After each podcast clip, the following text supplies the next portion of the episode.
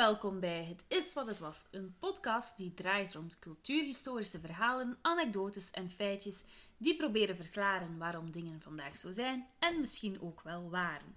Mijn naam is Maaike en ik heb hier bij mij Claire Eline, de driade voor wie ik op mijn altaar al meerdere plengoffers bracht, en Mark, het exportproduct uit de Denderstreek, die net zoals zangeres Jessie de meeste van zijn teksten zelf schrijft. Jessie. Zal je dat uitleggen waarom dat ik dat gekozen heb? Eh, zangeres Jessie is een, ehm, een soort van techno-90s zangeres uit Zottegem. Eh, die op dit moment niet meer actief is. Maar eh, de tweede zin op haar Wikipedia-pagina is dus... eh, de meeste van haar teksten schrijft zij zelf. Alsof dat de grootste verdienste is in heel haar carrière. Ja, ik vond Dus dat Ze bijzonder heeft dan wel grappig. niet verwezenlijkt, maar ze heeft het toch zelf geprobeerd. Oh, zalig. Ehm, Bedankt daarvoor, Maaike. Eh, ja, dankjewel. Eh dus eh, hallo iedereen. Hallo, hallo. vandaag gaan we het hebben over... Wat is ons thema vandaag? Vergissingen. Ja, Ja, pijnlijke missers. Pijnlijke Ja. vergissingen. Missers in de geschiedenis. Alles waar het toch maar even fout liep. Ja. Of toch, zo heb ik het geïnterpreteerd. Dat is eh, geen vergissing. Ah, voilà, kijk. Yes!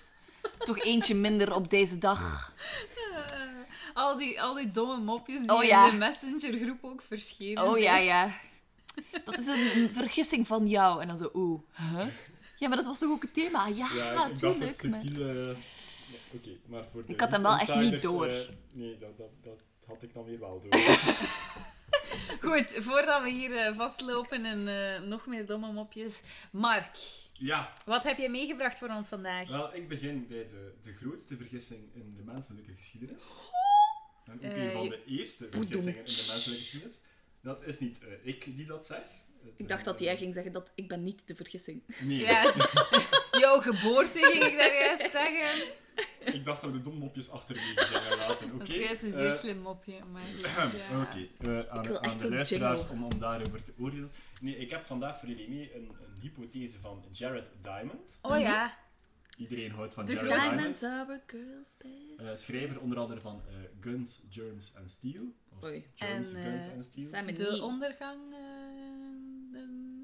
Ja, neem dat ook, ja. Ja, Eh, maar Hoe heet, hoe die kerel? Jared Diamond. Jared Diamond, oké. Het is een, eh, een, een geschiedkundige, maar hij heeft vaak eh, controversiële standpunten. Mhm. die niet altijd met enthousiasme onthaald worden binnen Mhm. de academische gemeenschap. Maar hij is wel een, een serieus wetenschapper. Het is niet controversieel in de zin van het is zever, maar hij, hij staat soms een beetje alleen met zijn mening. Niet zo in dit geval. Hij heeft Uh-huh. een artikel geschreven getiteld Agriculture, the worst mistake in the history of the human race. Nice. Dus waarin hij de, de, de landbouw omschrijft als de grootste vergissing ooit. ja. En ik moest daaraan denken dat ik onlangs een ander boek aan het lezen was, eh, Sapiens. Ah ja, Van, ligt hier eh, ook in Harari. Harari. Ja, ik moet er nog Bij aan wie ligt beginnen. hij tegenwoordig niet in de kast? Hè? True. Eh, ik ben Bij half- mij nog niet. Nee, dan krijg je Nog aan volgende niet. kerstmis krijg je dan dat boek van mij. Dat is nog zeer lang, ja. inderdaad. We hebben ook nog nieuwjaar. Eh, ja, maar eh jaag mij nu niet op kosten.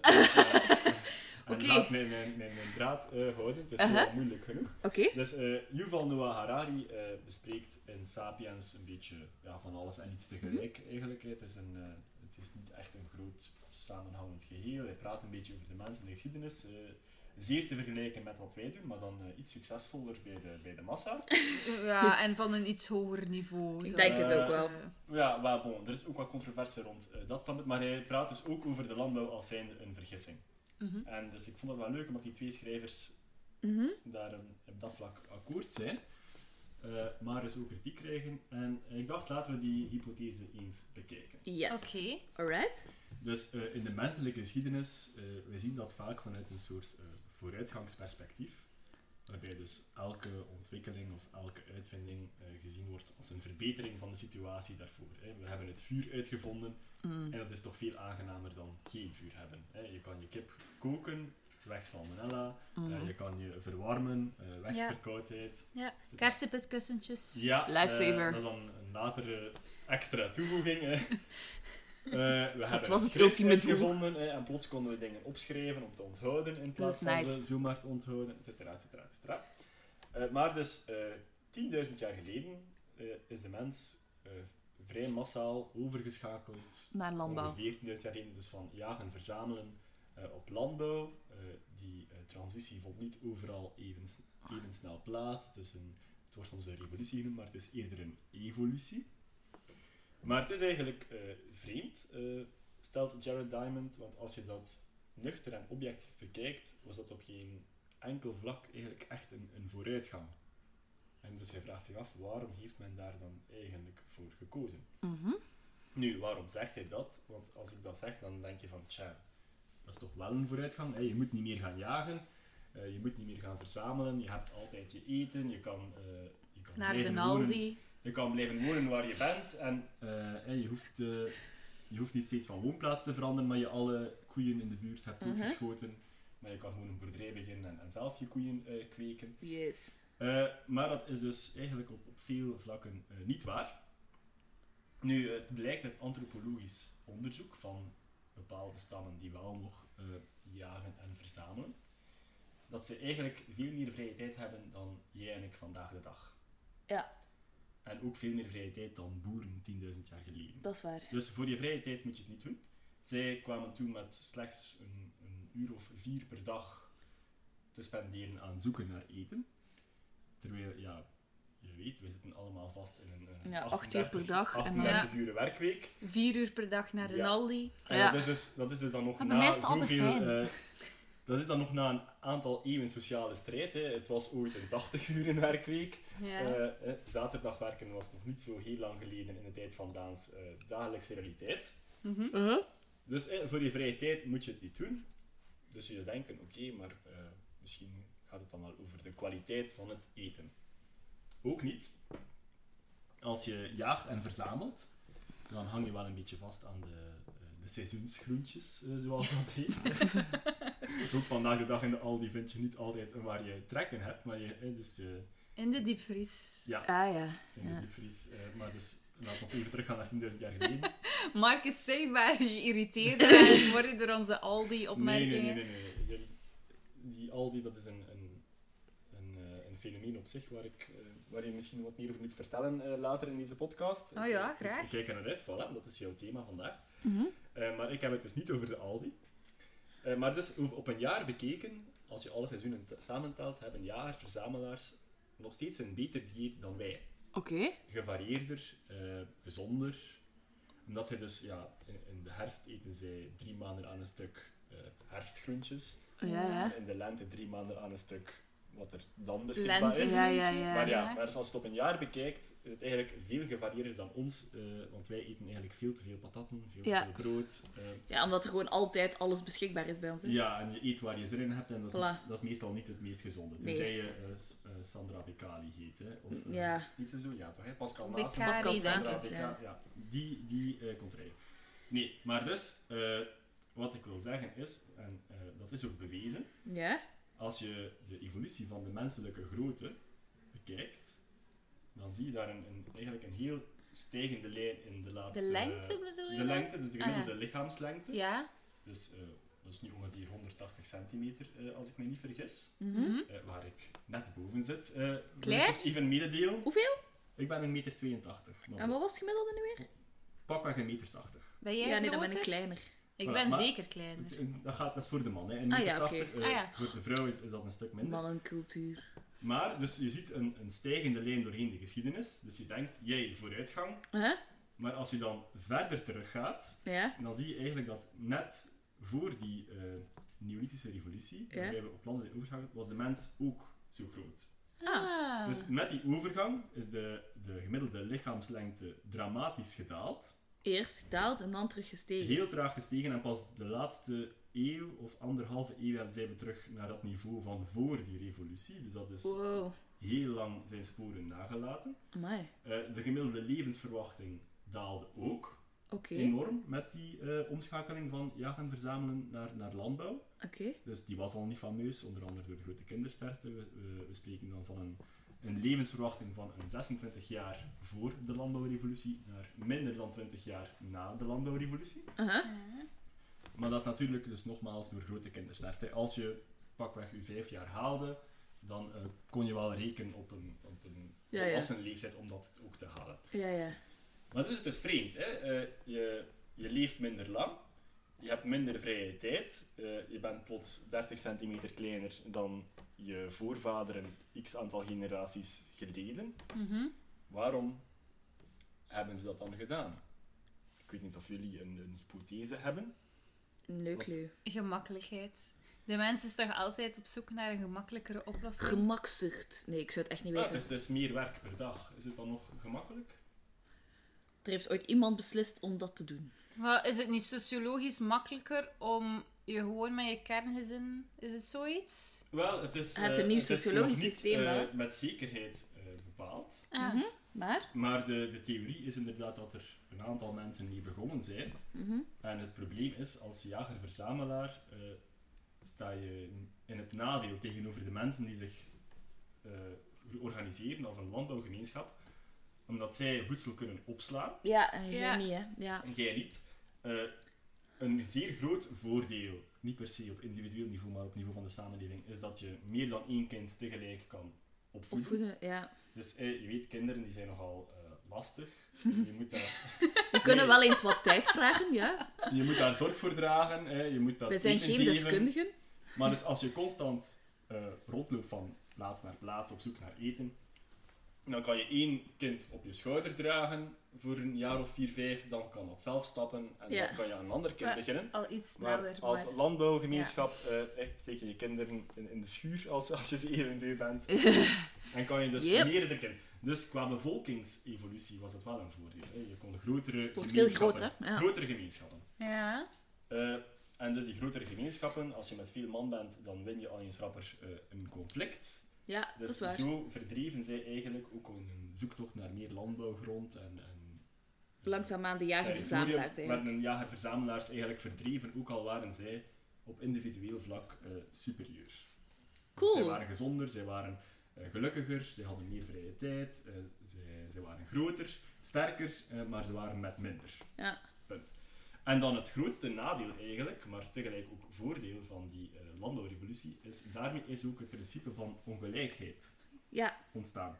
Ja, omdat je eigenlijk een hiërarchie creëert, hè. Ja, een specialisatie. Dus Ja. niet iedereen moet fulltime bezig zijn met het verzamelen van eten. Mhm. Maar er zijn bijvoorbeeld eh, er zijn tien mensen, negen daarvan zijn bezig met het, het landbouwen, het, eh, het Huh? boeren. Mhm. En de tiende houdt zich bezig met de verdeling van de oogst. En dat is dan de, de leider, in een vroeg begin van, van het koningschap, zeg maar, het herverdelen van de eh, beschikbare goederen. Maar dus met landbouw kwam er een soort eh, notie van bezit in, Ja. in de geesten. Ook je Ja. hebt je eigen huis, je moet niet meer constant Ja, verplaatsen. Dus je, je, hebt, je bouwt een huis, je beschouwt het als van jou. Je wil dat huis mooi maken, eh, je wil de, de mooiste goederen. Eh, er ontstaat ook handel, want je hebt landbouwoverschotten. Je wil die verhandelen tegen, met andere groepen die iets hebben dat jij niet hebt. Mhm. En dus zo vergaar je bezit, je vergaart rijkdom, je wordt begraven met dat bezit. Mhm. Eh, je voert oorlog om meer bezit te krijgen. Allemaal zaken waar de eh, jager-verzamelaars niet mee bezig zijn. Mhm. Ze hebben wel bepaalde sieraden en zo, maar zij zijn gelijk. In Ja. principe heeft niemand het daar meer voor het zeggen dan een ander, behalve op basis van ervaring of kunde. Eh, Mhm. Als je stamoudste bent, wordt er naar je geluisterd, omdat je gewoon de meeste dingen hebt meegemaakt. Ja, Mhm. ja dus, ehm, ja. Nee, ik, ik, ik sta open voor dus- je... Ik ben nu ehm, onlangs in het kader van mijn, mijn lesgeven, ik ben bezig over de prehistorie. Ik heb Ja. onlangs in mijn klasse daarover lesgegeven. En eh, tijdens dat zoeken kwam ik eigenlijk op een nieuwe hypothese omtrent onze eh, jaartelling. En die is daarmee verbonden. Maar wij, wij tellen eigenlijk vanaf het jaar nul zijnde de geboorte van Christus. En dat dat door de Ja. Bijbel en de kerk en zo is gedaan.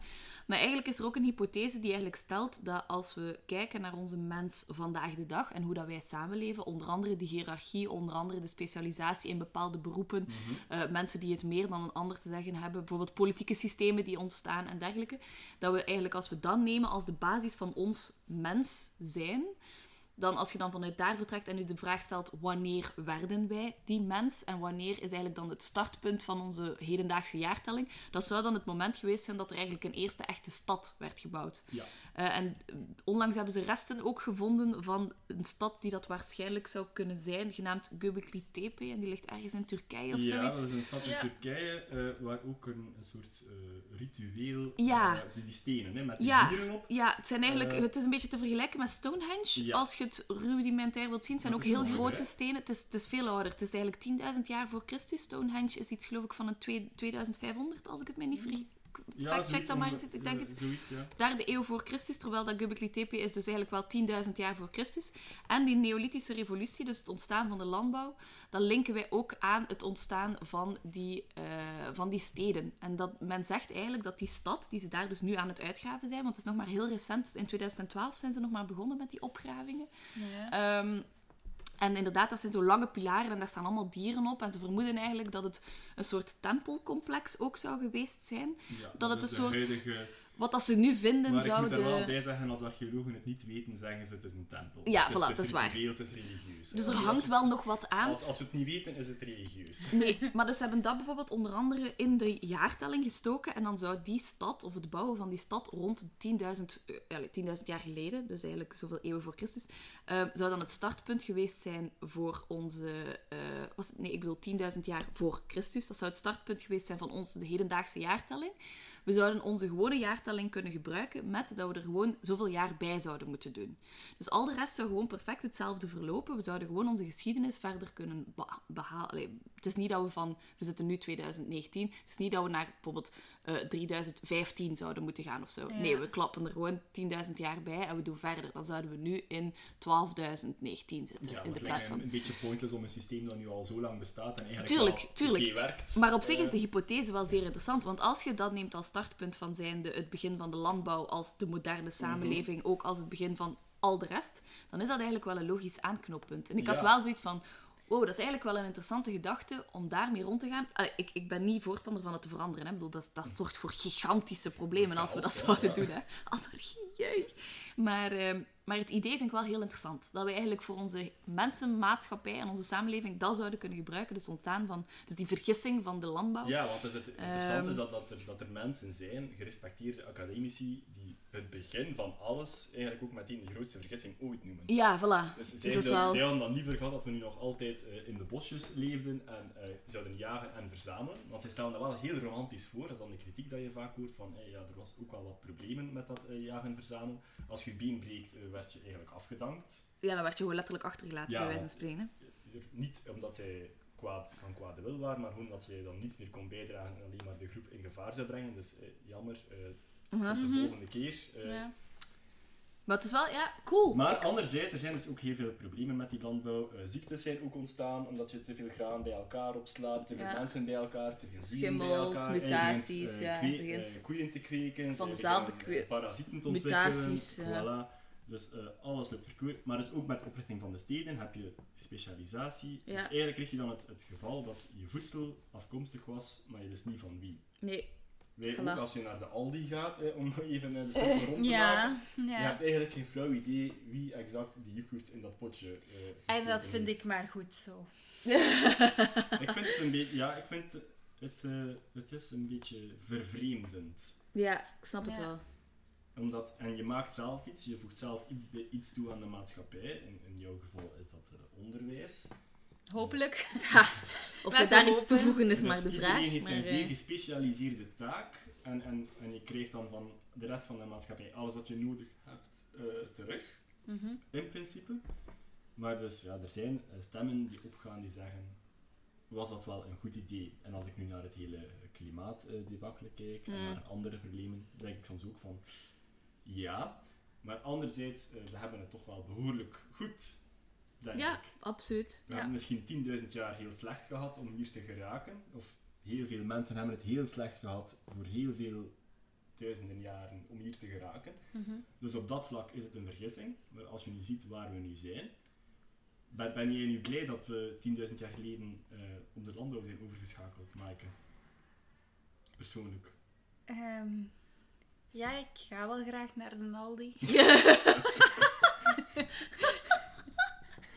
Oké, dat is Dus bon, volgende keer vragen we aan Aldi om ons te sponsoren. Ik denk dat na Ja. de hoeveelheden dat het woord Nee, is gevallen dus wel... geen eh, eh. Eh, Het is gewoon een Maaike die niet te, niet te weinig geld heeft om naar de Delijs te gaan. Ah. Want eh, Delijs is, is toch beter. hè, we Oh, jullie allemaal. sn snobbistisch. Nee, maar ik ben Oh. ook blij dat ik eh, naar de winkel kan gaan en, en dingen kopen die ik zelf niet kan maken. Want laat ons eerlijk zijn, moest, eh, moest je mij dumpen in de bosjes als jager-verzamelaar. Eh, Ja, na- We na would die. Na minder dan een dag gedood en begraven ben. door jezelf ook nog, ja. Ja, dat is waar. Dus het, ik vind het moeilijk, want ergens snap ik de, de theorie wel. eh, ik ben het er ook wel mee eens eh, Ja. dat, dat we misschien te veel focussen Het is wel een, het is wel een point of view eigenlijk. Hè? Ja, het is, een point of view. Het is, het is het ene of het andere. Hè? Je kiest welke point of view dat je verkiest. Ja. En voor het allebei maar zijn er ook wel die, eh, die primitieve tussen aanhalingstekens eh, maatschappijen en het zijn wel veel gelukkiger, heb ik de indruk. It Terwijl wij could met be. grote problemen kampen, eh, eh, depressies, eh, niemand is nog content, maar we hebben het eigenlijk allemaal wel goed. Dat is waar. Dus iets om over na te denken in deze donkere dagen. Ja, Alright. mooi. Mooi, mooie misser. Mooie misser. Zal, Grote misser. zal ik anders doorgaan met mijn uh, Graag. uiteindelijke Ik ben benieuwd. Die sluit daar eh, naadloos op aan. Ik Ah, wou zeker. graag... de Aldi geweest? Nee, ik wou het graag hebben over de Lidl. eh, Ah, kijk. Perfect. nee, het is helemaal niet. helemaal Je had mij daar. Nee, Ik ik, dacht echt dat er iets over de Lidl ging komen. dus, Nee. Eh, ik zou het graag met jullie hebben over eh Lau de Palingboer. Lau de palingboer. Ja, het is Daar een lekker liedje een zo. beetje achtergrond bij moeten geven. Ja, eh, maar dat, vrees dat, ga ik doen. Eh, het is er eh, de moment voor. Hè. Eh, Lau de Palingboer is niet eh, de echte naam eh, van die man. Eh, de man heette Laurens Voorthuizen. En hij is geboren in 1898 in 1898. Oké. 1898 in Noord-Holland. In de 19e eeuw. Ja. In de 19e eeuw, om duidelijk te zijn. Nu, ehm, ik ga er straks op hier komen waarom hij zo belangrijk is geweest. En waarom ik eigenlijk zeg dat eh, hij ehm, is, ik spreek in de tegenwoordige tijd, eh, ook al is hij geboren in 1898. Maar goed, Lau de Palingboer was een streng gereformeerde man. Hij behoorde tot de lokale Pinkstergemeenschap, Mhm. wat echt zo'n afsplitsing van een afsplitsing is. Maar ehm, als beroep was hij visser. En hij had een... God, eh, dat had ik een keer niet kunnen raden. Ah, maar nee. toevallig. eh, nee, nee, nee, nee, daar zijn we nog niet. Ah, sorry, nee, nee, nee, nee. Sorry. Hij was gewoon visser. Excuses. Eh, rond, eh, hij, hij was vroeg getrouwd met zijn eerste vrouw, maar rond 1942 werd dat huwelijk al eh, ontbonden. Omdat hij al een tijdje een relatie had, ook al was hij streng gelovig. Maar hij had een eh, relatie met Min Wiertz. No clue who that is. Later heeft die Min Wiertz heeft zij gezegd over die relatie die zij hadden. eh, de liefde was universeel voor de hele mensheid bedoeld. Eh, ik vind dat nogal straf om dat over uw relatie te zeggen, is, eh, eigenlijk. Aha. Een, Ehm, een vrienden uitspraak, ja. Ja. Ja, ja nogal. Die, eh, die vrouw die was eigenlijk atheïstisch, maar omdat eh Lau zo'n devoot man was, was ze daar eigenlijk sterk van onder de indruk dat hij toch zo eh, ja, gelovig was. Ja. Nu, in 1927 had Lau al zijn eerste religieuze ervaring gehad. Hij was op eh, het strand van de Zuiderzee, dat is zo'n zee die een stukje ingesloten is in Nederland. Ja. En hij had daar s'nachts een ster gezien. En hij hoorde, terwijl hij naar de ster keek, hoorde hij... Zie het teken van de zoon des mensen. Ah, ja. In eh, het Nederlands. in het Nederlands, Uiteraard. toevallig. Ehm, hij liep daarna over drijfzand. God is een Ja? Hollander, who knew? Wel, God spreekt meerdere ja, talen. God is universeel, hè. Ja, God is universeel. Hij liep daarna over drijfzand zonder erin weg te zakken. Mhm. En hij zei dat ook als hij dan achteraf zijn voetafdrukken nog zag in dat drijfzand, dat als hij er dan overheen liep, dat hij er wel in wegzakte. Nu, ehm, hij was daar zodanig van onder de indruk, en die, zijn tweede vrouw dan uiteindelijk, Min Wirtz, was daar ook van onder de indruk, dat zij hem eigenlijk had aangezet om in 1950 dan voor de eerste keer met dat verhaal naar buiten te komen. Hij heeft eigenlijk zijn, zijn, ja, Openbaring. ja, zijn openbaring heeft hij Ver- verkondigd. ja. Eigenlijk concludeerde Min dat Lau God was. En hij had zo gezegd, volgens haar en volgens hem dan later ook, de taak gekregen om de duivel te verdrijven uit, ja, van de aarde, uit de mensheid. Eh, hij beweerde daarna ook dat hij de Messias was. Dus Oh, dat was eigenlijk stapsgewijs dat hij doorhad dat hij eigenlijk Misschien wel eens... eh, misschien wel eens eh, een belangrijke opdracht kon hebben. Nu, eh, wat deed Lau om zijn geloof te verkondigen? Hij stapte af van zijn visserscarrière en hij werd palingboer. Oké. Hij ging op de markt paling verkopen en ondertussen preekte hij.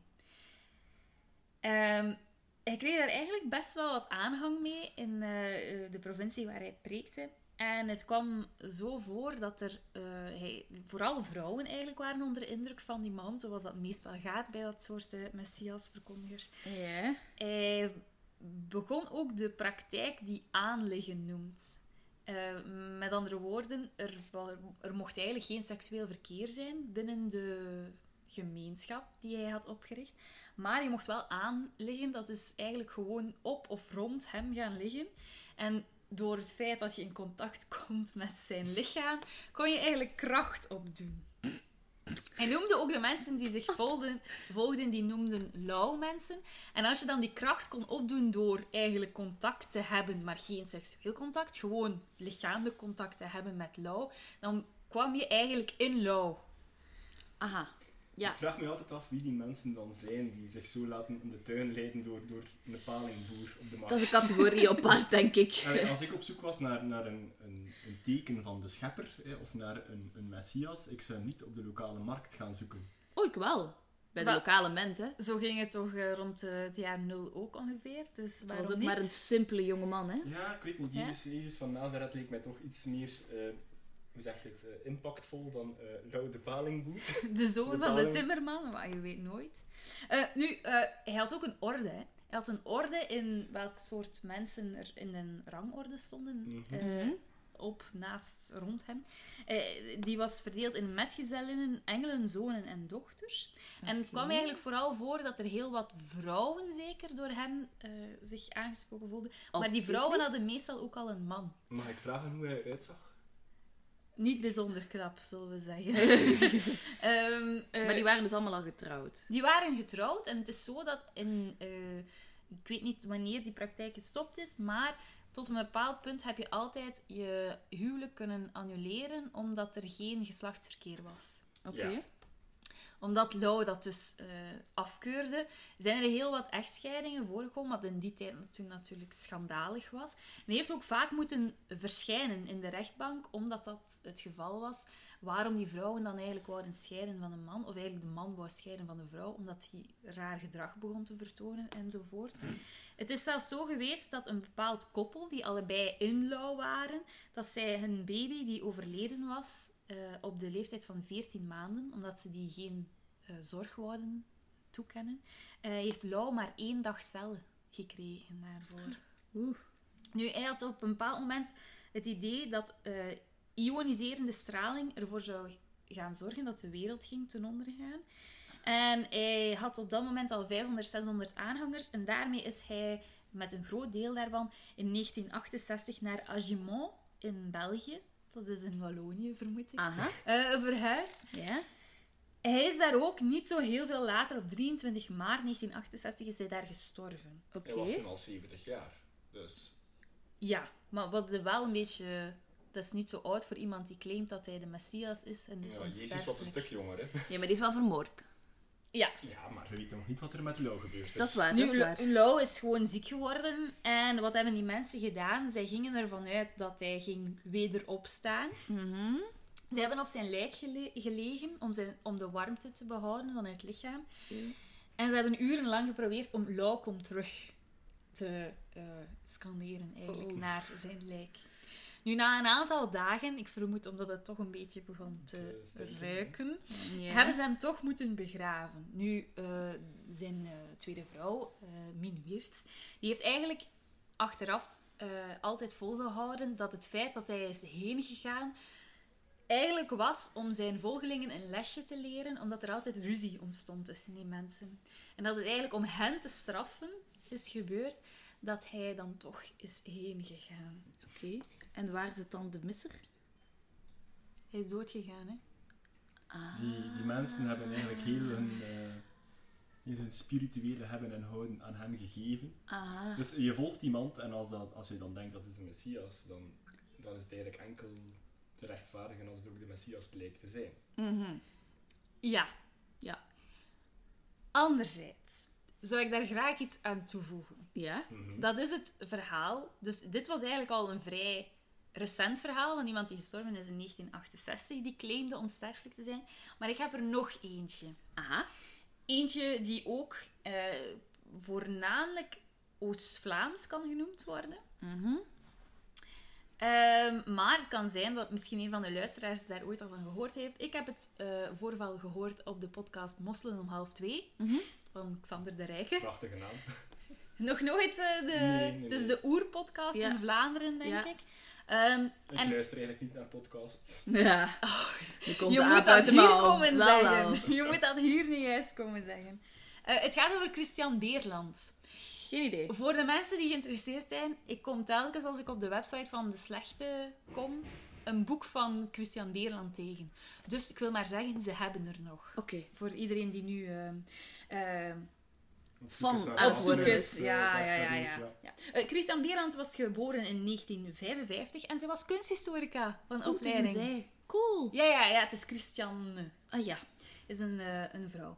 Ehm, eh, haar man, eh, haar tweede man die ze heeft leren kennen, was een huisarts. Mhm. En eh, Christian die was er eigenlijk van overtuigd dat zij mensen kon genezen van kwaaltjes, van ziektes, door gewoon psychisch dat tegen te gaan. Oké. Ik heb ook fragmenten bij om dat te Dat bewijzen. is hier vaag verwoord, moet ik zeggen. Eh, ja, wel, ja, haar man was een, een, een huisarts. En dus iemand die effectief, voor alle duidelijkheid, gestudeerd heeft. Ja, ja, die de ja. wetenschap beoefend heeft.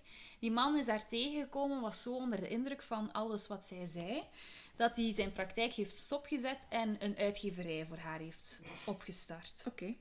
Ehm, dus iemand die effectief gestudeerd heeft, die gelooft dat helemaal, die gaat daar helemaal in mee. Eh, ik heb op haar eh, website gezeten voor iedereen die geïnteresseerd is in grafisch ontwerp en eh, webdesign en zo, een uitdaging. Oké. En op haar website staat er, uniek voor haar werk is dat de inhoud van geen enkele van haar boeken op bestaande geschriften of onderzoek is gebouwd. Dan denk ik, dat is geen voordeel. dat is geen voordeel. Het is maar goed. hoe het inpakt, hè. Ze zeggen eigenlijk, dus Oh, eh, wow. de Ik geef man... je gelijk met de website. Wauw. Ah, heb je hem nu al gevonden? Ja, het is een beetje... Ja, Ja. Ik, eh, ik ga het aan mij laten voorbij gaan, eh, de Mhm. inhoud. maar- eh, Er- de, de layout. sorry. ja de, ze zegt eigenlijk dat ze spreekt vanuit haar diepe weten, tussen Mhm. haakjes. En haar meest bekende werk, wat de slechte ook eh, heeft voor eh, de, de kleine som van 90 euro, denk ik, is de sleutel tot zelfbevrijding. Nu, waarom kost dat zoveel? Het zijn 1436 pagina's. Mhm. Eh, waarin ze eigenlijk een opsomming geeft van 1300 ziekten en kwaaltjes, met een psycho-emotionele kernoorsprong en de diepere betekenissen die je ervan eh, hebt. Dus eigenlijk wat eh, Christian haar levenswerk is, is je kan in dat boek op zoek gaan naar ik heb wat pijn in mijn arm. Hoe zou dat komen? Dan kan dat zijn dat je een trauma hebt omdat je eh, ooit een vriendschap hebt verbroken of zo. Nu goed, Klinkt als een page-turner. eh, klinkt inderdaad als een 1436 pagina's die je moet gelezen hebben. Ze heeft ook een boek en dat heet Genees jezelf van aids. Ook een page-turner. Heb ik niet gevonden op de slechte. Om eh, een rare Het was misschien reden. uitverkocht. Misschien wel. Ze heeft ook een boek geschreven over eten. Ze zegt eigenlijk dat als jij zin hebt in iets, stel nu dat je enorm graag een pak friet zou willen hebben, dat dat eigenlijk jouw onderbewuste verlangt naar datgene wat het diepste zelf aanvoelt dat hij goed kan gebruiken. Zo is rijst bijvoorbeeld een eh, voedsel dat staat voor een heldere structuur. Dan zou je eigenlijk meer structuur in je leven willen hebben. Ze heeft ook gezegd: borstkanker is een signaal dat je volledig in dienst van anderen leeft. Je kan de symptomen wel bestrijden door een borst te amputeren, maar als je de oorzaak niet aanpakt, komt het op een andere manier terug. Ja. Eigenlijk heeft zij doorheen haar boeken altijd maar meer zo'n beetje die, die grens verlegd naar, Mhm.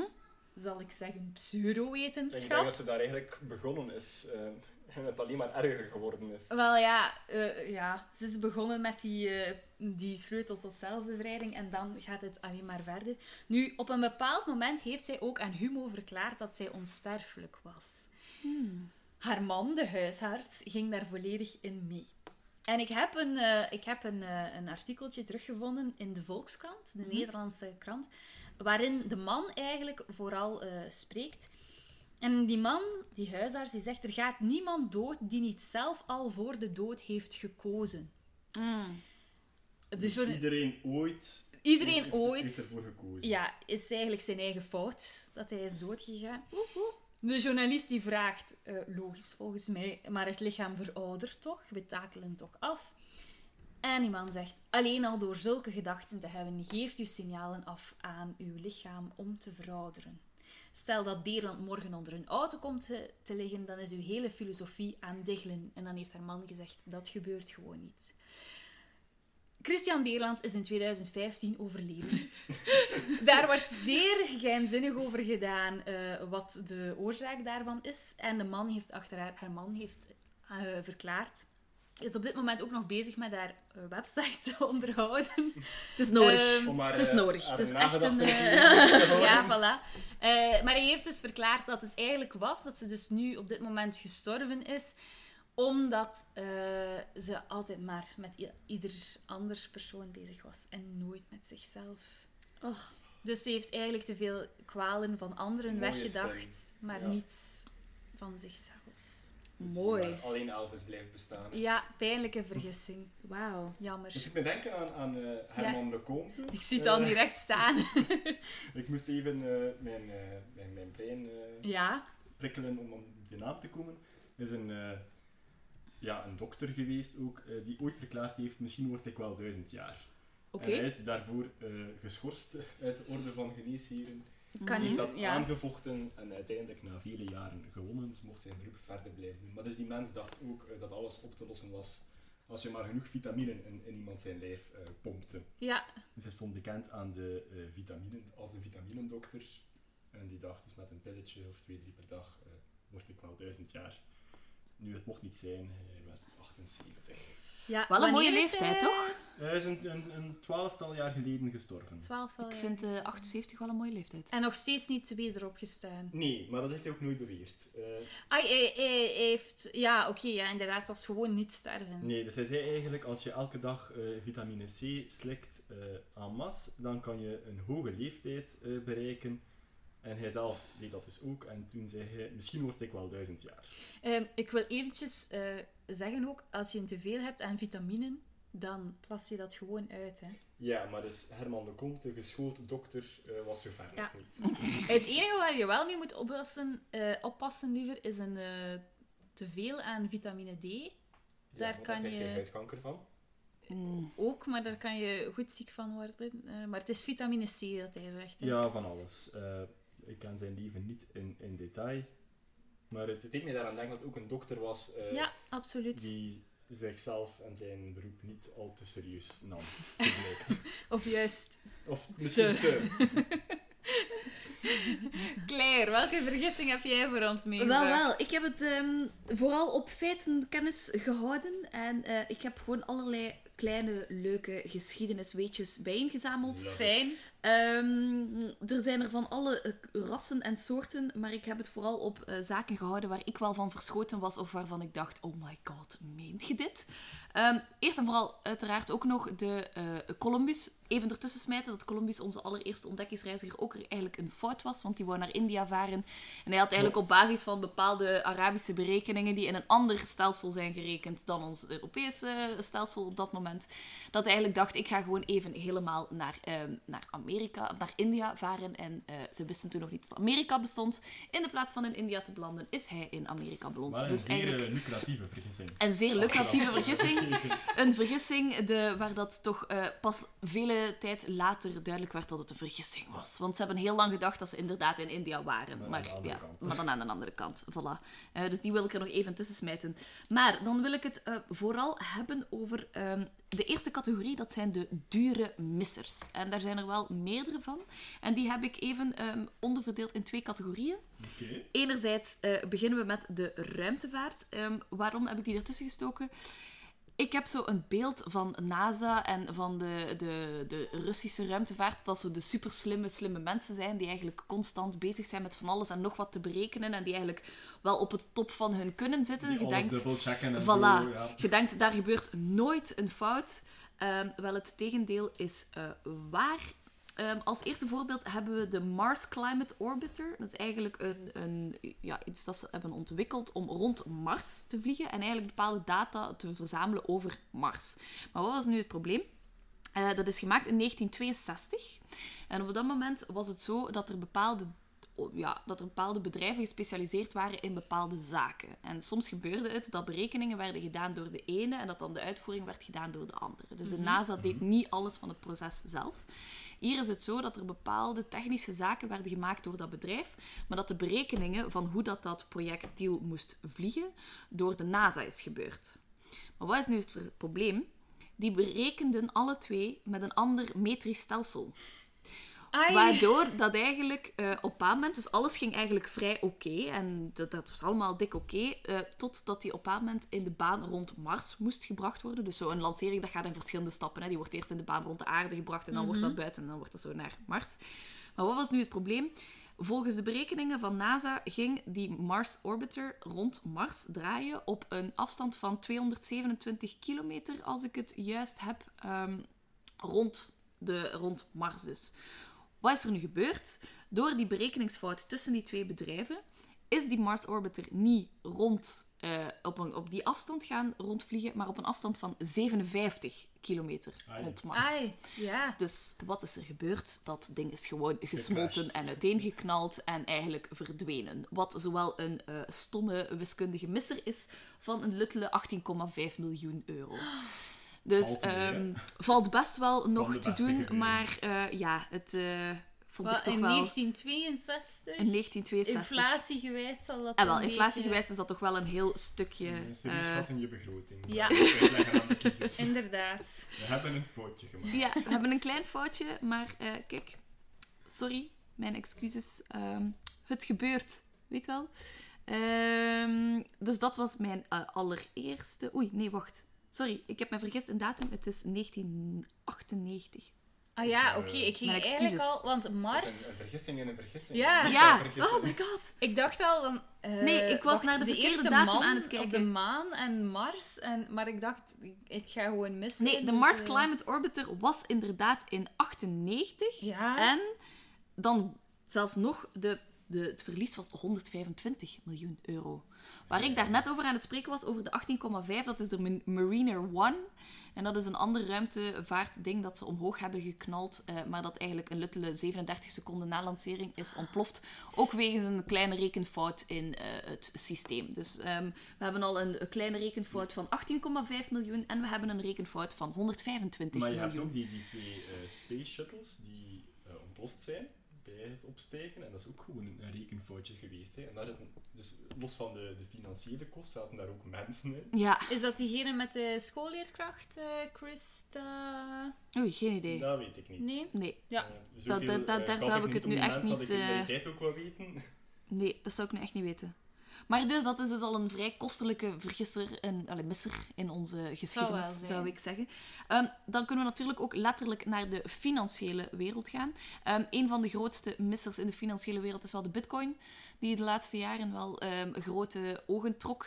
Waarom? Omdat dat ongelooflijk snel gestegen is in waarde. Dus in het begin was dat gewoon een virtuele munt. Dus de bitcoin is eigenlijk een virtuele munt waar dat je binnen die virtuele wereld kunt dealen, handelen en, en dingen verkopen en doorverkopen. En eigenlijk stijgt dat heel snel in waarde. Maar er zijn heel veel mensen die eigenlijk zo'n beetje bitcoins ooit hebben gekocht, niet wetende wat dat, dat gaat zijn. Ik maar dat dan uiteindelijk... Kopen, maar ik was te lui. Ja, voilà. En eigenlijk achteraf gezien, stomme zet, want het was heel veel geld ja. Ehm, en zo heb Dat je ook... ehm, maar, eh, Ja, inderdaad. Alleen in maar je jacht. Of op mijn jacht. Voilà, wel, want zo heb je ook James Howell. Dat is een beetje de eh, tegenstelling tot wat jij zou doen. Hij heeft wel degelijk bitcoins gekocht. Ehm, hij heeft in 2009 7500 bitcoins gekocht en gespaard. Maar hij had eigenlijk totaal niet door hoeveel waard dat, hoeveel, wat de waarde daarvan was. Dus die had gewoon zoiets van, weten, dat is een klein spelletje hier en daar. Hè, we sparen dat, want het is hip. We doen daar aan mee. Ehm, heeft, dat was in 2009. In 2013 was die hoeveelheid bitcoins ongeveer al 6 miljoen dollar waard. Wat is nu het jammere voor die James Howell? Hij heeft eh, zijn koffie over zijn harde schijf gegooid. En omdat hij dacht, ja, mijn harde schijf is nu kapot, heeft hij gewoon weggesmeten. En eigenlijk op het moment dat dan duidelijk werd dat hij ongeveer 6 miljoen dollar in de vuilbak heeft gesmeten, Oh, is hij die harde schijf gaan zoeken en heeft hij die proberen te reanimeren. Helaas is hem dat niet gelukt. Dus die heeft even eh, een kleine 6 miljoen dollar of door een simpele vergissing eh, in de vuilbak Je hebt gesmeten. ook zo die mensen, eh, als bitcoin nog relatief nieuw was, kon je daar pizza's mee kopen. Ja. En Zo En, en dus er zijn effectief mensen die pizza's gekocht hebben met bitcoins. En, en dat die pizza dan zoveel jaar later eigenlijk miljoenen gekost heeft. Ja, Hopelijk was dat een goede pizza. Ik hoop het ook. En dus ja, het pizzabedrijf zelf, hopelijk voor hen hebben ze de bitcoins bijgehouden. ja. in diezelfde eh, trant, dus in onze financiële missers in de geschiedenis, heb je dan ook de, eh, ja, onder de stock exchange, dus in de, de, de aandelenmarkt, wel een bekende misser, dus in de Tokyo Stock Exchange, dus we zitten in Tokio, in Japan. En daar is er een bedrijf die eigenlijk op het moment dat hij, eh, dus je weet dat als bedrijf kun je bepaalde aandelen op de markt brengen. En jij moet zelf zeggen van, ik heb zoveel aandelen en die zijn zoveel waard. En die worden dan op de markt gesmeten en dan gebeurt er daar van alles mee waar dat je heel weinig over te zeggen hebt. Ja. Maar jij beslist, wat komt er op de markt? Nu was er een, eh, een Japans bedrijf, Mizuho Securities, die ergens in het proces van het op de markt smijten van bepaalde aandelen een foutje heeft gemaakt in een bepaald intypen van die, eh, van die aandelen. Dat in de plaats van één aandeel aan, eh, als ik het mij goed herinner, 610.000 yen. eh, dat is dus ongeveer 5041 dollar. Dus één, één stockshare, dus één aandeel aan die prijs verkopen. Ja. Maar hij heeft de cijfertjes omgewisseld. En in de plaats van te zeggen dat hij één aandeel wil aan de prijs van 610 yen, eh, 610.000 yen, heeft hij die omgewisseld. En heeft hij eigenlijk in de plaats van één aandeel 610.000 aandelen op de markt gebracht aan één yen. Oh my god. Ja. Dus heel die markt, ja, de, de, daar, daar gebeurt van alles mee. Hè. Dus superveel mensen hadden dat dan gekocht, maar dat was dan een fout, want dat, was helemaal, dat aandeel bestond eigenlijk niet. Hè. Er bestond geen aandeel van 1 yen in dat bedrijf dat ze eigenlijk aan het verkopen waren. Dus eigenlijk gewoon door die twee cijfers om te draaien. Dat heeft hun ongeveer ehm, 225 miljoen dollar gekost, die fout. Ai, ai. Ja. Oh, wauw. Dus ze wouden één iets verkopen voor 610.000. En ze hebben er 225 miljoen dollar Geen eindejaarspremie voor Nee. die man, eh, kan ik Nee. me voorstellen. Voilà. Daar is superveel onderzoek naar gebeurd van hoe is dat precies gebeurd. Is dat een menselijke fout? Is dat een fout in het programma? Is er iets niet duidelijk of zo? Om eigenlijk te voorkomen dat dat ooit nog eens terug gebeurt. Dus ook daar weer even de kleine fout Als je maar die... eh, leeft uit je foutjes. Het is maar 225 miljoen. Zoiets, ja. Het is toch wel eh, hopen om 5600 dollar winst te maken en er eh, 225 miljoen voor verliezen, vind ik wel... eh, Het bedrijf bestaat wel nog altijd. Amai. Dus ze zijn er niet aan failliet gegaan. Goed terecht Ehm, gekrabbeld. Mooi gedaan wel van ironisch hun. dat ze, wat was het, Mitsubishi Security heet. Ja, voilà. Ja, Ja. ironisch. Mizuho Securities. Ja, het is, eh, Als klant ervan denk je toch ook twee keer na. misschien is dat wel een goed idee. eh. Mm. Goed, dan hebben we het over de dure missers gehad. Ehm, dan wil ik het even over een kunstgeschiedenisachtig weetje hebben dat ook een misser is geweest. Dat, is, eh, dat gaat over Hieronymus van Stridon, ook wel de patroonheilige van de vertalers genoemd, omdat hij eigenlijk de eerste echte vertaler zou geweest zijn, omdat hij de Bijbel uit het Hebreeuws heeft vertaald naar het Latijn. En dat zou de eerste Bijbel zijn geweest die van het Hebreeuws naar het Latijn is vertaald. Is dat de vulgaat? Goh. Ja. Hieronymus de de Vulgaat? Ja, Ja. inderdaad. Eh, en dat maakte tussen 309 en 405. Dus even een situatieschets. We gaan een heel stuk terug in de geschiedenis. Wat is er nu precies gebeurd? In die vertaling heeft hij op een moment, eh, is hij aan, bezig over het verhaal van Mozes. En op een moment komt Mozes van de berg enzovoort enzoverder. Voor zij die het verhaal niet kennen, zoek het gerust op. Ik ga het niet uit de doeken doen. Maar wat wordt er nu gezegd? In het Hebreeuws wordt er eigenlijk gezegd dat hij met bepaalde zaken van die berg afkomt. En onze Hieronymus die maakt daar eigenlijk een vertalingsfout. En hij vertaalt bepaalde Hebreeuwse woorden naar het feit dat Mozes naar beneden zou gekomen zijn met horens. Het ging meer over, over de takken of zoiets in zijn buurt, maar hij maakte er dus effectief horens van. Met als gevolg dat zelfs tot, dat tot in de renaissance Mozes afgebeeld wordt met horentjes op zijn hoofd. Ja. Er is bijvoorbeeld een heel bekend beeld van eh, Michelangelo in een kerk waar dat er Mozes staat. Als je, dus, je kunt dat wel eens opzoeken. Opvallend, super realistisch beeld. Zo Mozes met een gigantische baard die alle kanten op waait. Maar wat heeft hij? Twee horentjes. Ik denk ook Klaus Sluter, de Mozesput, als Ja. ik mij niet vergis. Het zijn er zo nog wel een paar. Dus eh, door een een simpele. Dat is een- en het dat gaat dus echt ver, hè, want we spreken hier over 309 tot 405. Michelangelo, dat is midden in de renaissance, zoveel eeuwen verder. En nog altijd denken ze, ah ja, Mozes met de horens van de berg. Het is pas eigenlijk op het moment dat er andere vertalers komen en andere vertalingen, dat dat idee, dat die misser eigenlijk wordt Het is een beetje een Aanschouwd. reminder om, eh, om zelf je bronnen te onderzoeken in plaats Ja. van zomaar klakkeloeks over te nemen. Voilà. dat, eh, Maar ja, kun je is het-. Ja, je kunt het ze niet kwalijk nemen als er maar één vertaling is van de Bijbel. Nee, maar ja, als je zelf geen Hebreeuws kan, is dat Nee, dan kun je niet echt gaan checken van... eh, Dus zomaar toch even dat zelfs de patroonheilige, die zelfs een feestdag heeft op 30 september, op, eh, door, in de Rooms-Katholieke Kerk en op 15 juni in de Orthodoxe Kerk, dat zij ook maar eens fouten ma- zijn en, eh, ma- maken en menselijk zijn. Om dan af te sluiten, heb ik eh, twee zaken die ik ehm, wel zeer treffend vond als zijn de missers. Tot nu toe waren het zo missers die wel een keer iedereen konden gebeuren, maar die weinig invloed hebben op... Ik weet niet hoor, ik ik ga mij niet op de, op de Japanse stop Goh, maar een rekenfoutje is Ik snel gebeurd, wel hè. eens 225 miljoen. Ja, maar de rekenfout op zich gebeurt snel. Eh, ja. Ik heb onlangs al mijn examens moeten verbeteren en ik geloof dat ik ongeveer de helft verkeerd heb gerekend en allemaal opnieuw moeten rekenen. Dus het gebeurt snel een rekenfout. Ehm, hier waren er, zijn er twee dingen waarvan ik zelf vind ehm, dat wij dat niet zo snel gaan maken en waarvan ik het echt wel een ferme misser vind. Eén daarvan is, en het gaat over natuur. Het zijn natuurzaken. Het eerste is het Peigneur-meer. En het Peigneur-meer ligt in Virginia, in eh, de Verenigde Staten. En wat is er daar eigenlijk gebeurd? Ehm, ze waren op zoek naar eh, olie en ze waren aan het boren in de buurt van een meer. En, op, en eigenlijk op en rond dat meer waren ze aan het boren. Ehm, dat is dus een, een ramp van 20 november 1980. Want wat is er gebeurd? Ehm, dat was een zoetwatermeer. Ja. En ze zijn daar beginnen boren. Maar ze hadden niet echt... Ze, ze hadden zowel primitief bodemonderzoek gedaan en zo naar grotten. En zo naar van die caves met zo radio... Dingen. Ja, ik weet niet precies hoe dat, dat in elkaar gaat, dat Ja. bodemonderzoek. Enfin, ze hadden iets verkeerd geïnterpreteerd. En ze dachten dus dat een bepaald stuk in de grond, dat dat olie was. Wat is er nu gebeurd? Zij hebben daar geboord, maar dat bleek helemaal geen olie te zijn. Dat bleek een, eh, een zout... eh, allee, dat bleek een zoutkrater te zijn. En dat Oh. bleek een zoutmijn te zijn. Maar ja, wat gebeurt er als je een gat boort in een zoutmijn? Dus dat is leeg in principe. En daarboven is er een meer. Ja. Dat meer sijpelt natuurlijk in die zoutmijn. En tot op vandaag de dag is het Peigneur-meer geen zoetwatermeer meer, maar een zoutwatermeer. En zakt het eh, jaarlijks nog altijd met enkele eh, millimeter en centimeter, omdat eigenlijk al dat water in die zoutmijn Ecologische ramp stroomt. toch ook voor Ja. de dieren die... eh, Ja, ja, absoluut. Dus eigenlijk heel veel eh, diersoorten die daar compleet zijn ja, gestorven. Ook het boorplatform zelf is er ten onder gegaan, omdat eigenlijk, doordat dat, al dat water daarin stroomt, is dat een gigantische waterkolk geweest, waar dat alles van in de buurt in is gestroomd. Ja. Een, een waterval van 50 meter met snelheid tot 20 knopen. Ik weet niet precies hoe dat, dat allemaal in elkaar zit.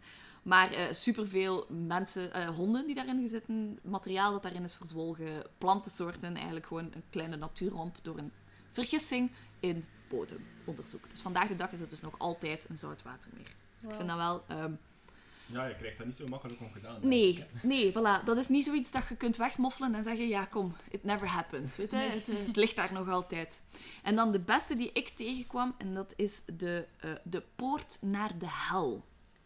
Om het een beetje geschiedkundig en poëtisch te houden.